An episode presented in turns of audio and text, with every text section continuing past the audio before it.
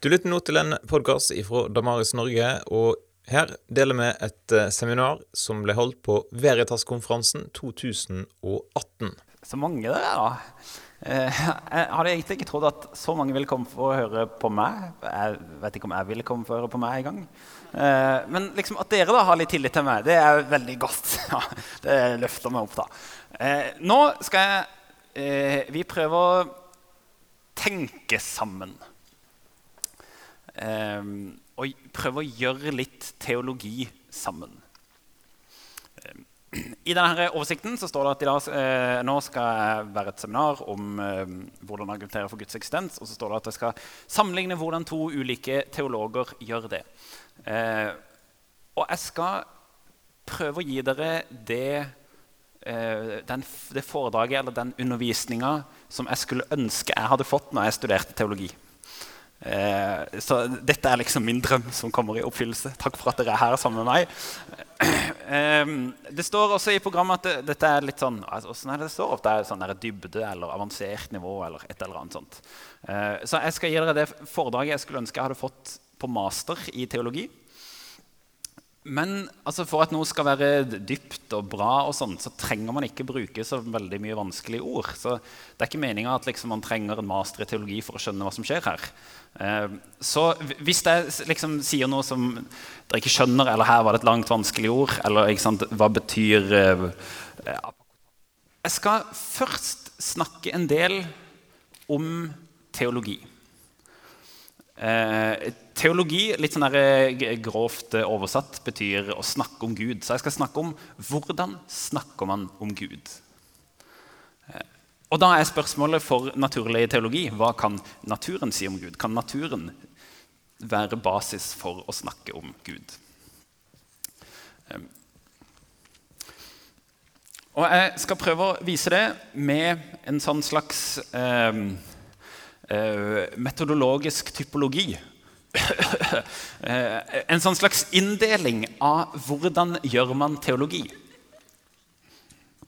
Eh, det er en, en, gammel teolog nå er han død, som heter Hans Frey, som har skrevet en bok som heter 'Types of Christian Theology'. Han tenkte at okay, det er en del som deler inn teologi i konservativ teologi og i liberal teologi. Det skillet er ikke så veldig, er ikke så veldig hjelpsomt. Det sier ikke så veldig mye. Vi trenger et eller annet vi trenger en ny måte å dele inn forskjellige måter å gjøre teologi på. forskjellige måter å tenke om Gud på. Eh, og Han setter opp da en linje. På den ene sida er det de som driver teologi, som tenker at det viktigste for å drive teologi, basis for å si noe om Gud, det er fornuften. På den andre sida er det de som tenker at det viktigste basis det er eh, troen. Det er liksom eh, vår egen selvbeskrivelse av det religiøse. Um, så Det er et sånn slags spenn i tro og fornuft. Det er også et slags spenn i hvor er det teologien hører hjemme. Hører teologien hjemme på universitetet, og er teologi noe man måtte, bruker helt sånn, Man tenker på teologi som en vitenskap blant alle andre vitenskaper, eller hører teologi hjemme i kirka? Um, så Det er et slags spenn i hvordan man, hvordan man gjør teologi, hvordan man snakker om Gud. Så eh, På den linja er det fem punkter. Så nå skal vi gå gjennom de fem punktene. Gå gjennom fem ulike måter å snakke om Gud på. På sida helt høyre så kan dere tenke at denne måten å snakke om Gud på troen alene. Bare tro. Ikke noe, eh, ikke noe mer. Jeg har en kamerat en gang som siterte en som sa en god teolog sier aldri noe nytt. Eh, eh den er der. Eh, altså, Teologi handler om å gjenta det som er blitt sagt før. Gjenta f.eks. det bibeltekstene sier, eller tradisjonen sier. Å ikke være åpen for andre vitenskaper, f.eks. Ikke være åpen for naturvitenskap, ikke være åpen for nye menneskelige erfaringer. Eh, troen er alene. Hvis man skal prøve å plassere noen her altså Bildet av en, en sånn eh, litt kjent eh, bok i teologien av en som heter George Lindbeck. Noen har plassert han der. Eh, man kan jo tenke at personer som sier at jeg er religiøs på min egen måte. Jeg er på en måte personlig religiøs. Hva enn jeg tror, er på en måte sant for meg. Um, sånne typer litt sånn slags, uh, sånn slags relativistisk tenkning om religion, de kan være der. Um, um, eller han Lindbekk, som er veldig inspirert av Wittgenstein og tenker om teologi som et sånt språkspill, nærmest. Uh, kan man altså sette der. Uh, altså troen alene.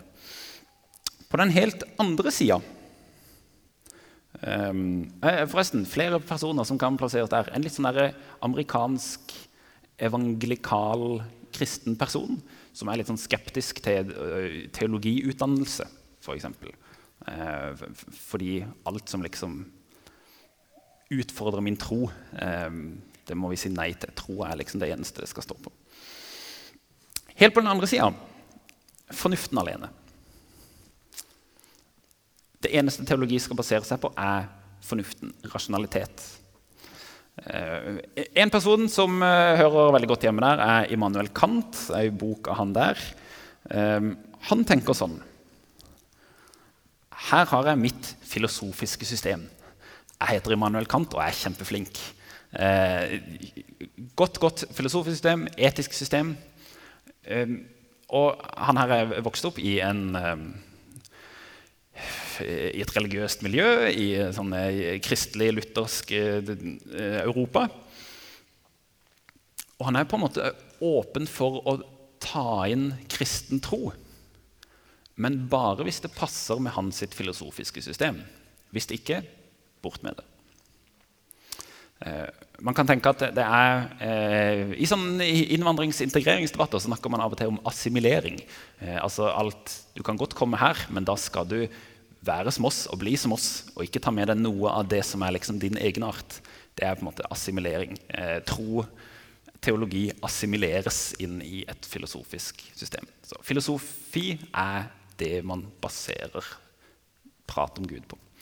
Um, et annet eksempel tror jeg faktisk Jeg, kjenner han ikke egentlig så veldig godt, Eh, men eh, jeg tror Jordan Peterson kan fungere her. Eh, Peterson snakker ganske mye om Gud, ikke sant? Eh, om Bibelen. Eh, har jo på YouTube om det er 50 timer omtrent der han legger ut Første Mosebok. Så han bruker det veldig mye. Men legg merke til hvordan han bruker Bibelen, og hvordan han snakker om Gud.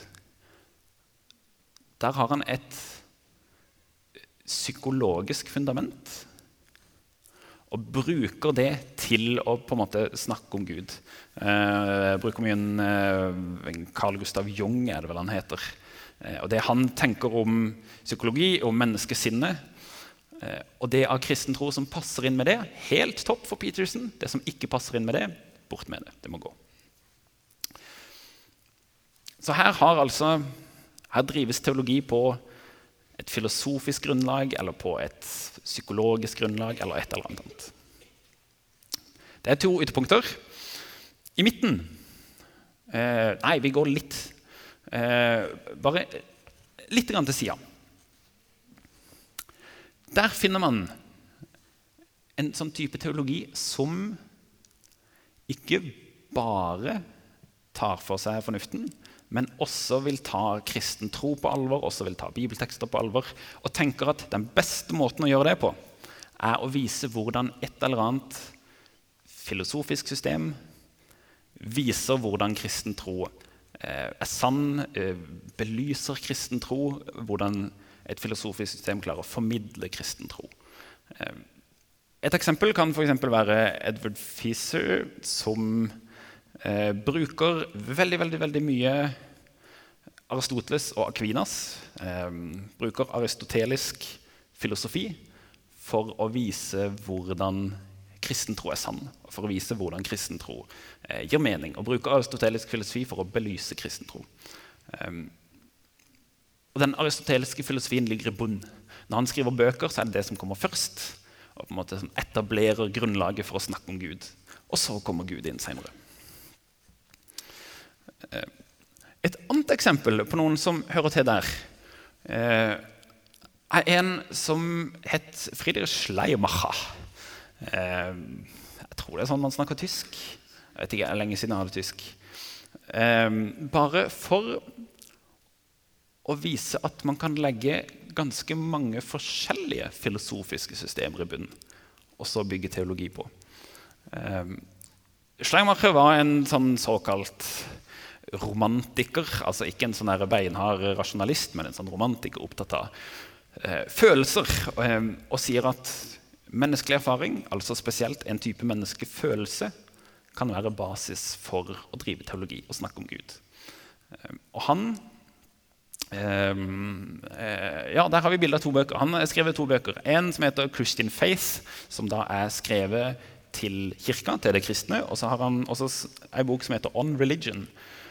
Og Det er en undertittel som heter 'Speeches to its cultural despisers'. Altså Han skriver taler til de som forakter religion. Taler til liksom den intellektuelle eliten. Eh, taler til Richard Dawkins, liksom. Eh, og den skriver altså, det, Hvordan han begynner disse to bøkene. At han begynner med å legge ut en type menneskelig erfaring. Begynner å skrive om en, en følelse av å være avhengig, og så, så, skriver han videre hvordan denne følelsen kan være basis og grunnlag for å snakke om Gud og gjøre teologi. Um, og hvordan teologi skal bedømmes på hvordan man klarer det. Um, teologi bedømmes da på hvordan det svarer til menneskers erfaring, eller hvordan det svarer til, ja, til menneskers erfaring. Så Det var to eksempler på hvordan noen som legger måte, filosofi i bunn, og så bygger teologi på det. Noen ligger i midten. Eh, en veldig sånn illustrerende tittel er en av pave Johannes Paul, en bok som heter 'Tro og fornuft', der poenget er tro og fornuft. Han vil da si at man står på to bein. Og man driver hele tida teologi på to bein, med både tro og fornuft. Eh, og skriver, eh, det er helt sånn fra innledningen av boka, skriver at tro og fornuft er som to vinger. På dem stiger menneskeånden opp for å skue sannheten. Trenger begge vingene. ikke sant? Trenger både tro og fornuft. Eh, han skriver også seinere det ytterste mål for menneskets personlige eksistens er altså tema både for filosofi og teologi. Og selv om de har litt ulik metode, skriver han, så peker begge de to mot livets vei. Altså Både teologi og filosofi peker mot livets vei.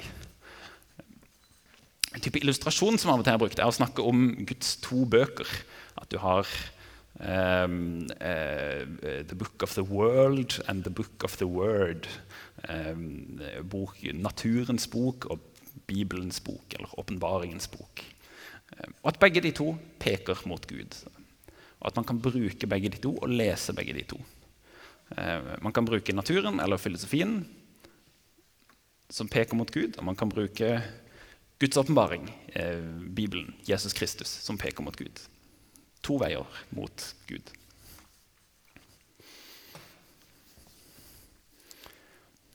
Ingen hosting ennå. Dere er utrolig skarpe, altså. Dere skal få et til eksempel på denne posisjonen. Uh, altså, uh, her kommer jeg med ganske mange eksempler. Det er ikke for at dere skal huske alle de, men for at dere skal få en sånn slags uh, teologisk tapas der dere kan smake på litt forskjellige typer teologer, se hva som skjer, se hvordan ulike teologer tenker om Gud. Hvordan de tenker om hvordan de driver teologi. Eh, Paul Tillich eh, døde for kanskje 30-40 år siden.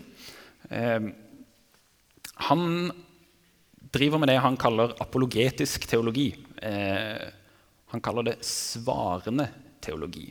Altså Teologien skal svare på de spørsmålene som mennesker stiller. Teologi skal svare på de eksistensielle spørsmålene mennesker stiller.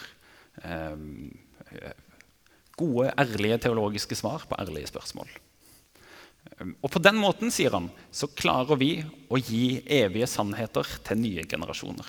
Med å hele tida høre på de nye spørsmålene og gi svar til de nye spørsmålene.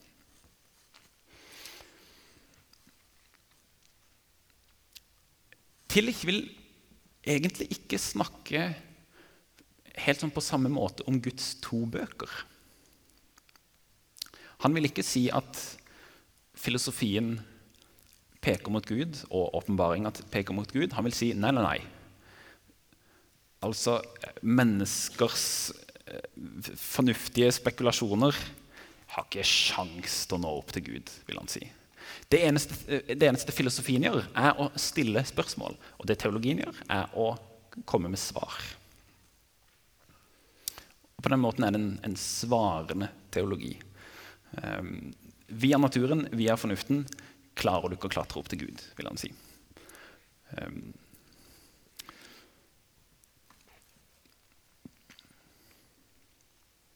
ja, det var nok på tidlig.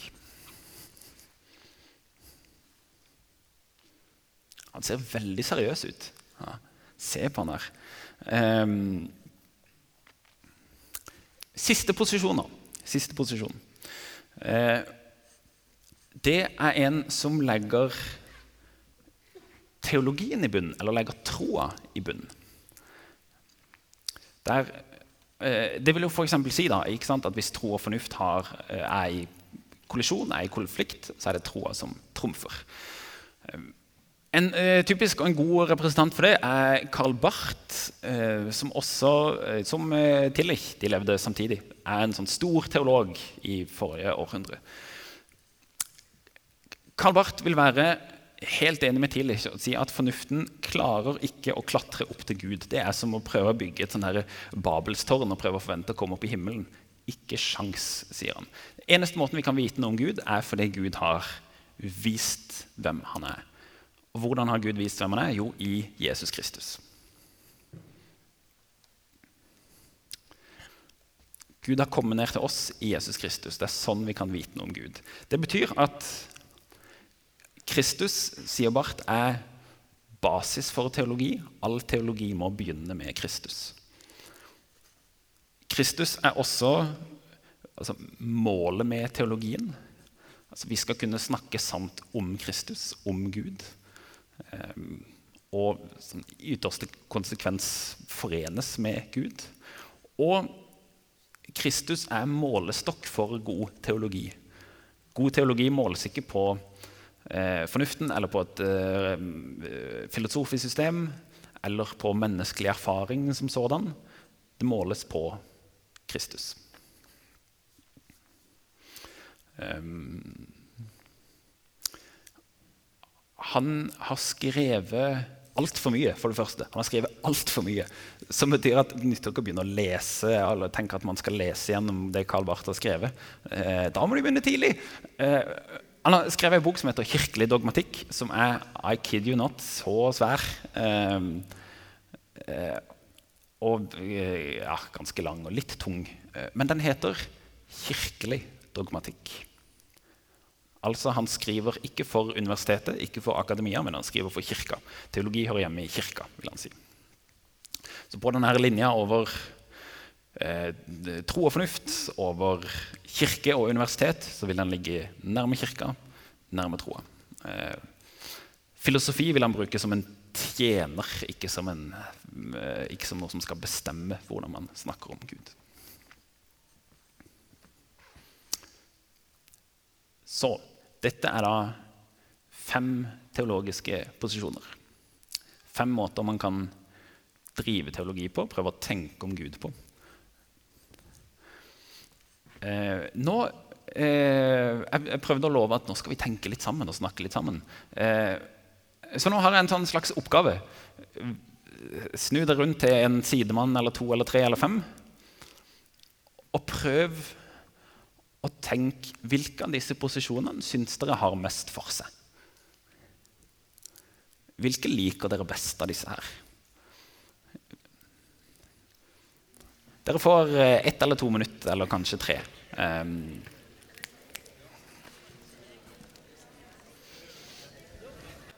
OK, har dere fått uh, tenkt litt? La, uh, nå fikk jeg en god idé. La oss ha en sånn slags uh, poll. Altså, Alle gode avgjørelser avgjøres jo ved demokrati. så nå skal vi bestemme oss for hvilken type teologi som har mest for seg. opp med hånda, alle de som landa på en av de posisjonene helt i den ene enden eller i den andre enden.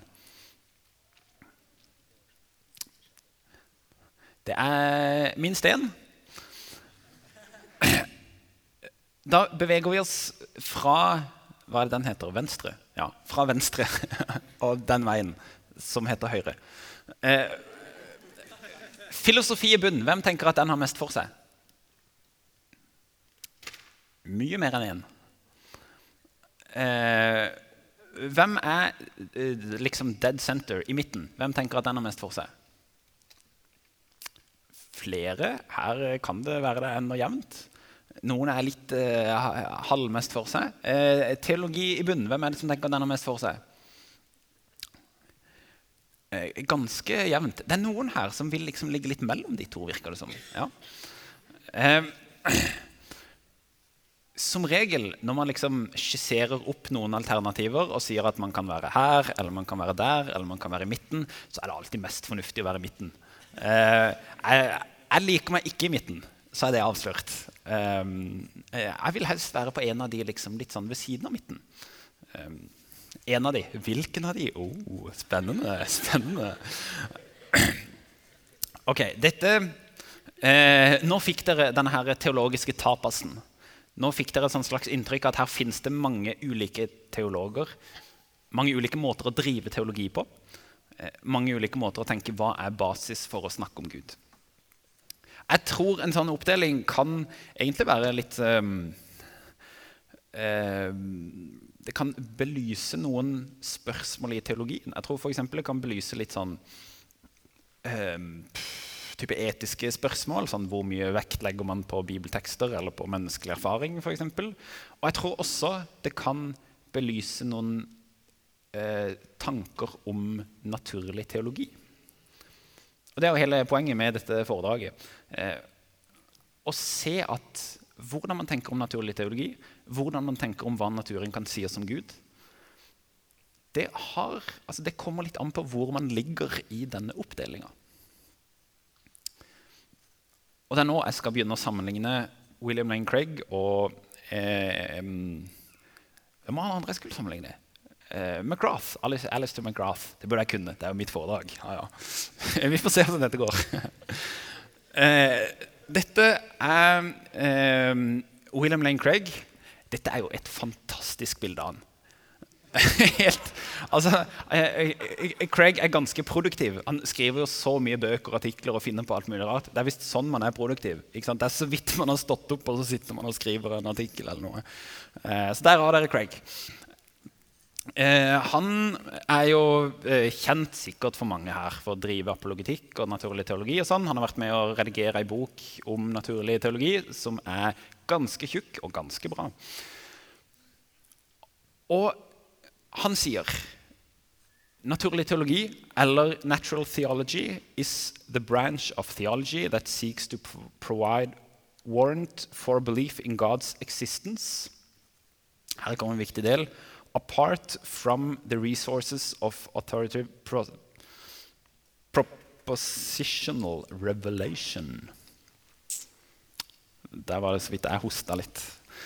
Um, altså, naturlig teologi handler om å komme med grunner eller evidens for Guds eksistens, eller for hvem Gud er.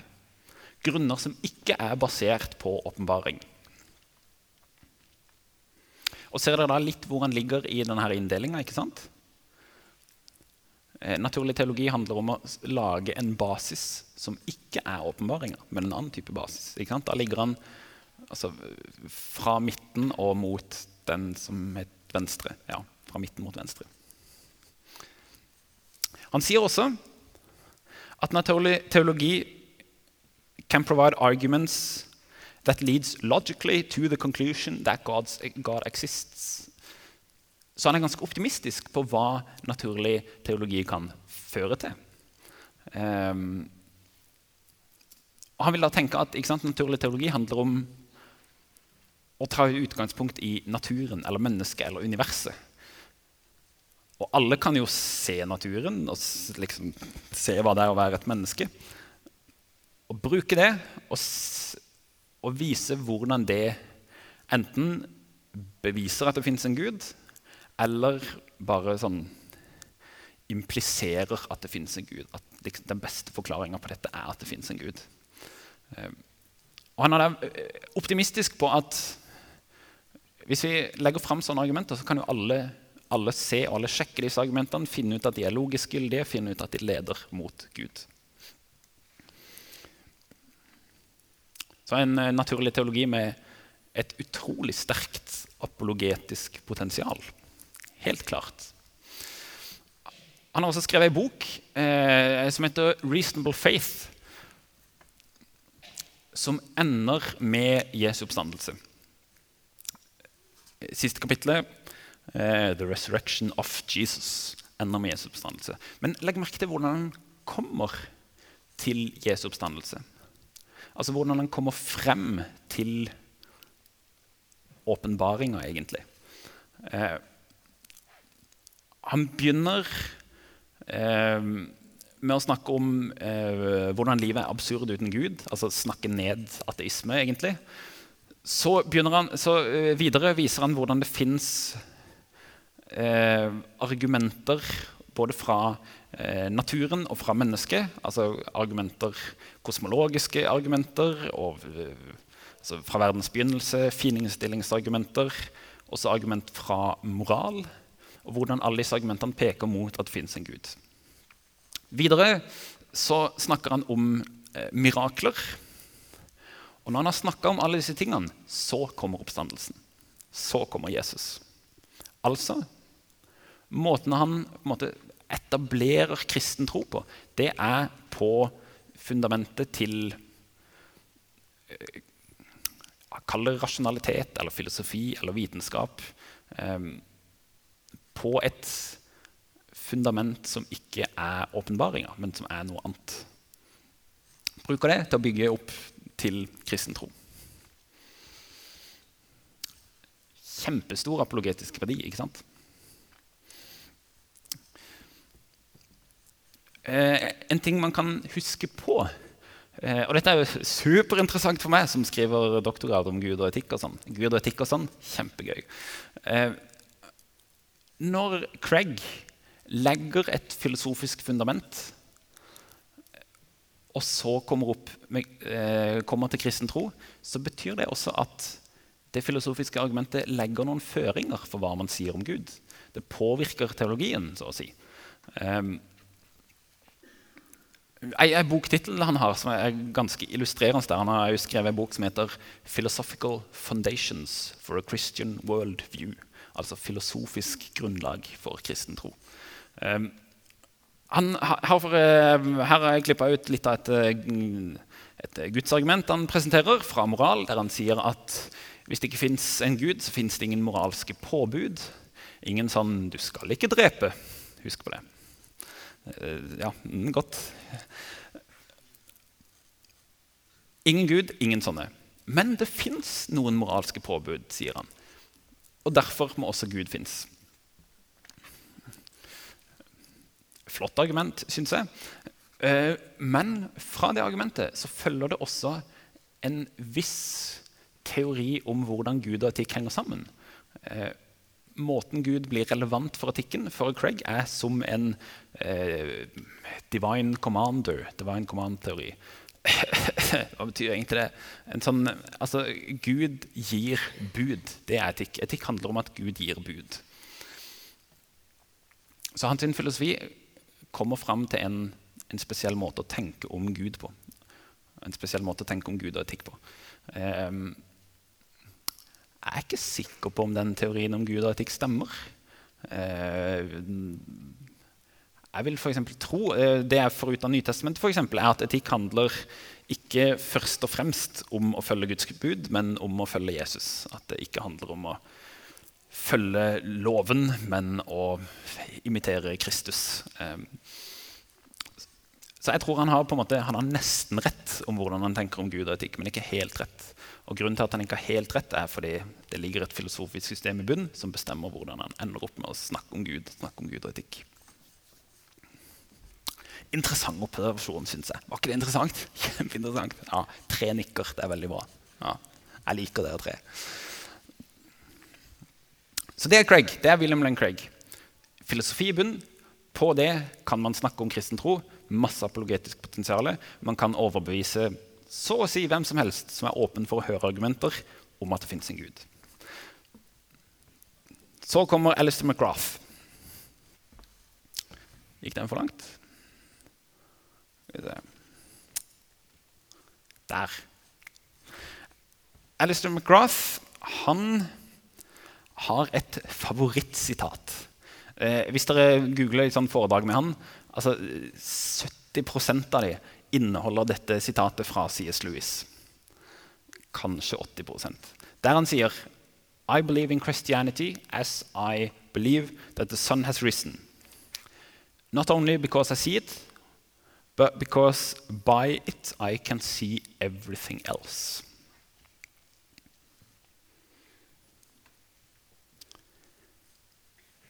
Det vil si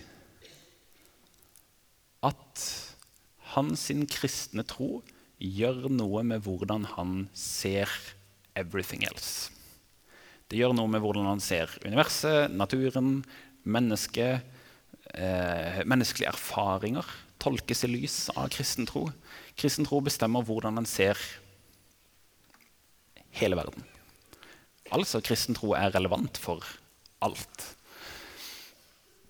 Men det betyr også at han har en helt annen definisjon av naturlig teologi enn Craig. Der han sier at Christian natural theology concerns how nature is to be imagined from a Christian viewpoint. Naturlig teologi handler om hvordan kristne ser på naturen.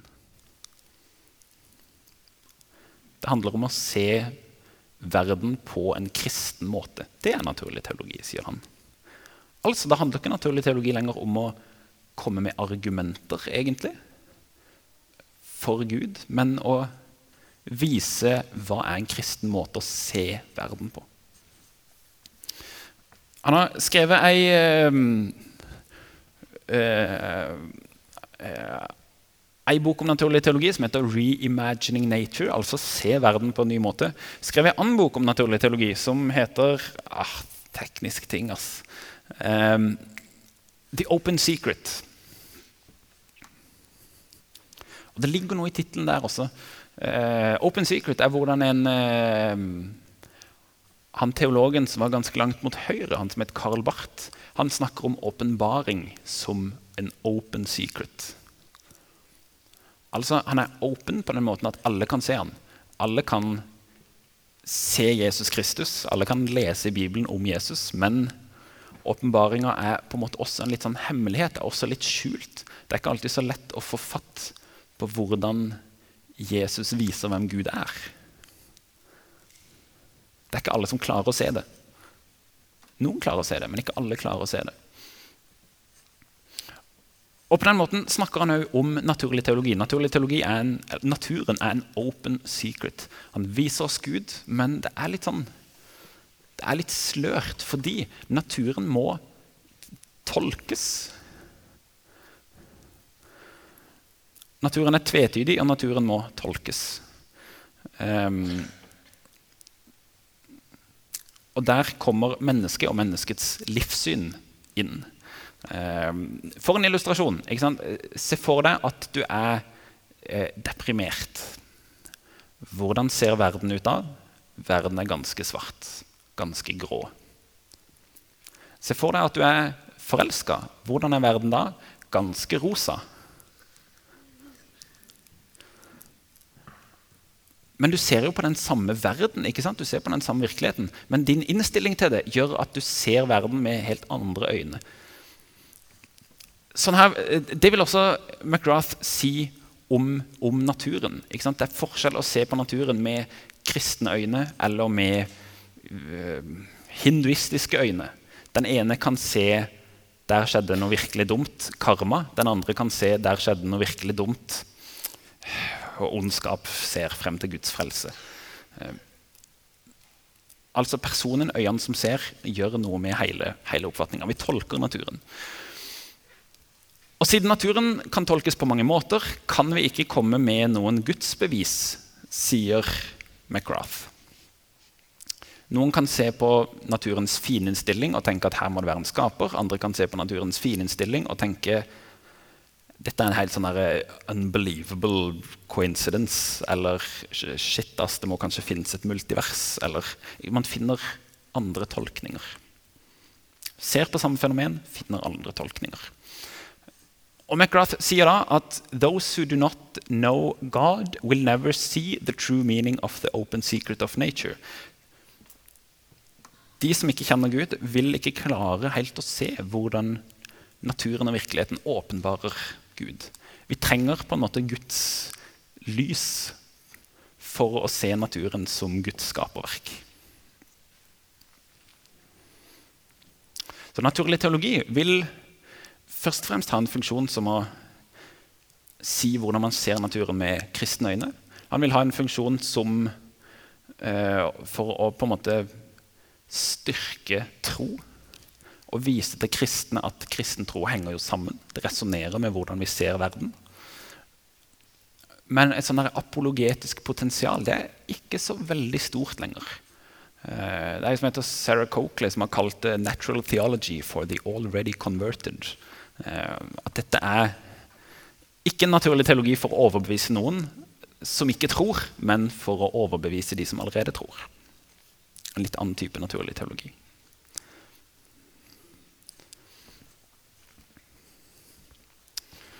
Uh, han sier f.eks. Alice McGrath han sier at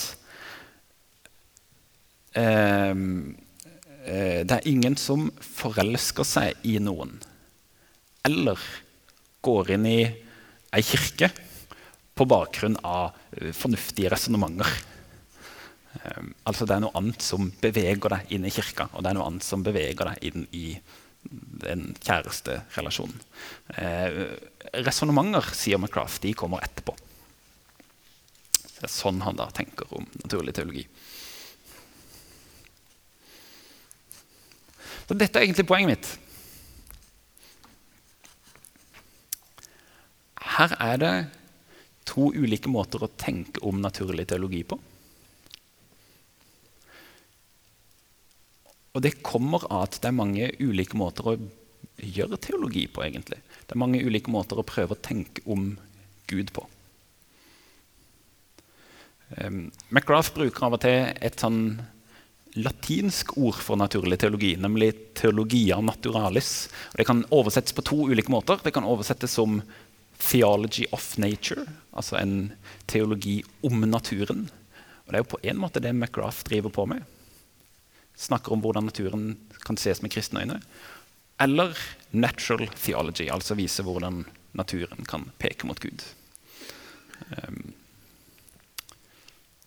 på den ene sida har du de som Craig, som sier at vi kan lage et filosofisk fundament for å snakke om Gud. På den andre sida McGrath, som sier at teologien må ligge i bunnen. Og på teologien så kan vi lese naturen. Altså på den ene sida naturen viser oss hvem Gud er.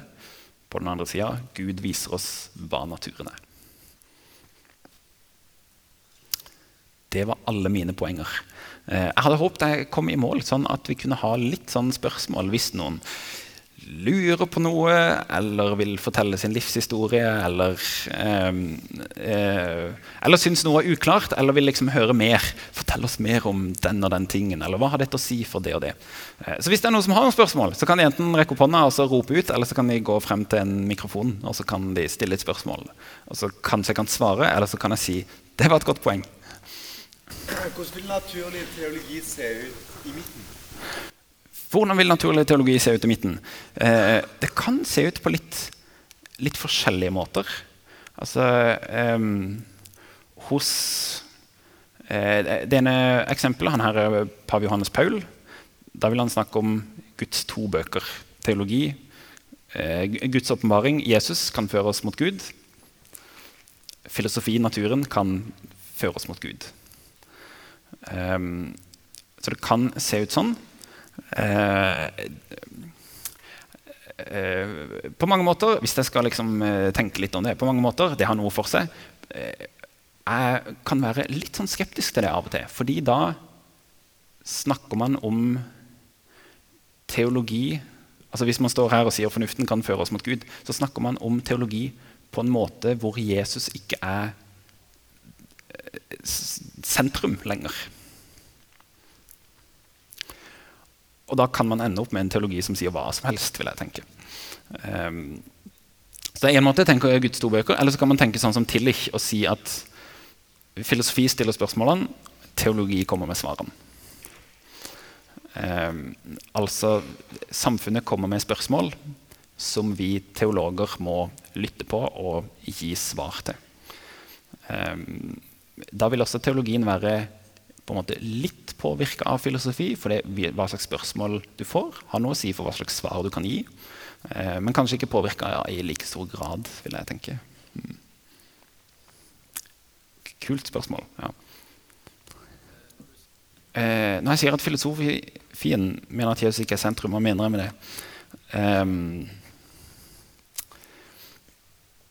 eh, jeg vil kanskje tenke noe sånt som Jeg, jeg vil stille spørsmålet Nå bare tester jeg ut litt sånn tanker. Det er ikke sikkert alltid gir mening.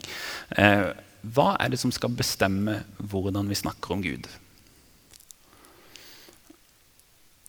Eh, noen vil tenke da at Kristus skal bestemme hvordan man snakker om Gud. Da vil jo Kristus være kjemperelevant. Kristus vil være liksom basis for teologien.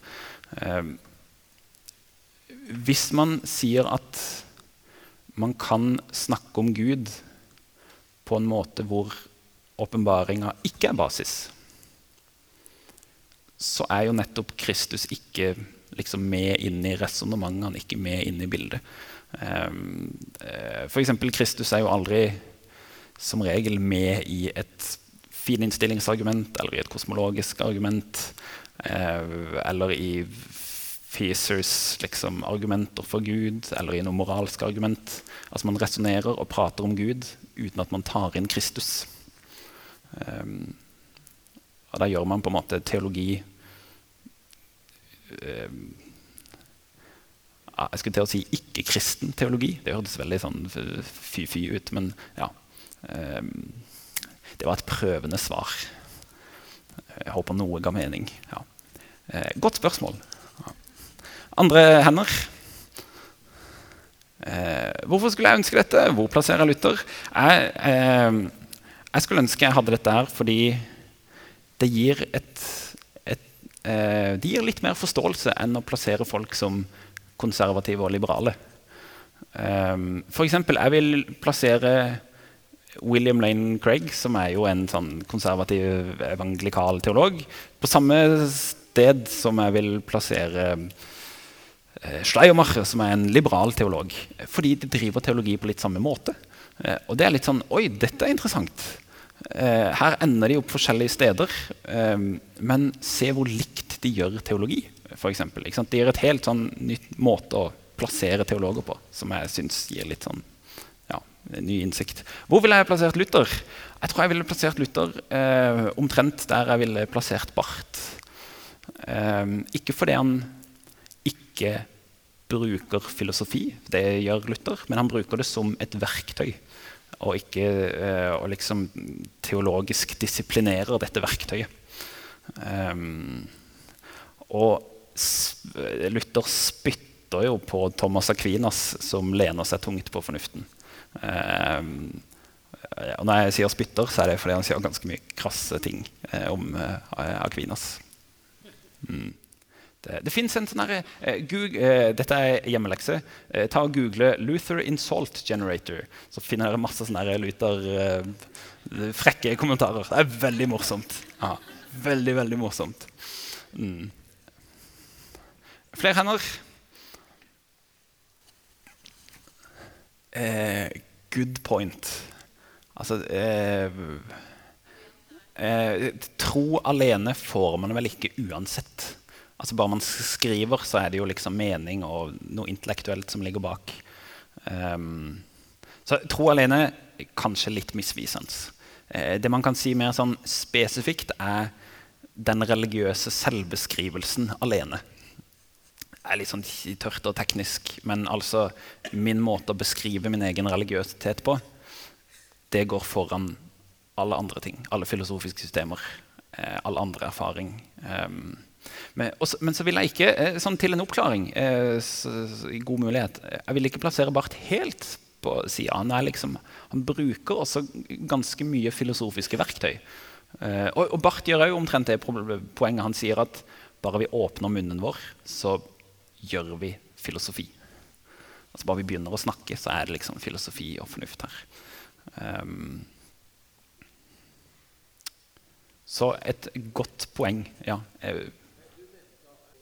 Det kan du. Godt observert. Um, og det er flere, altså, Nå kommer sånn hostealarm. det, det, er flere som har sagt at her er det en linje mellom eh, det man kaller fundasjonisme, eller sånn foundationalism på engelsk. At du bygger på et eller annet dønn sikkert fundament. Og en sånn non-fundationalism. Sånn at Altså, det det fins ikke fundament. Du må bare begynne med din egen beskrivelse eller begynne med en sånn, der, eh, sånn relativistisk språkspill, nesten. Um, så det, det, vil, det, vil, også ligge på, uh, på den linja, vil jeg tenke. Mm. Det var så mange sånne maskuline hender. Men uh, uh, Der. Ja, når man snakker om folk med tro, er det en, en av de som er mer strategisk enn andre, kanskje? Eller ja, kanskje det. Eh, det kan også være at det liksom avhenger litt av hvem du prater med. ikke sant? Eh, hvor man skal legge seg. Eh, på den Craig-posisjonen, litt mot venstre, så er det mer sånn apologetisk som ligger der, vil jeg tenke. Um, uh, så der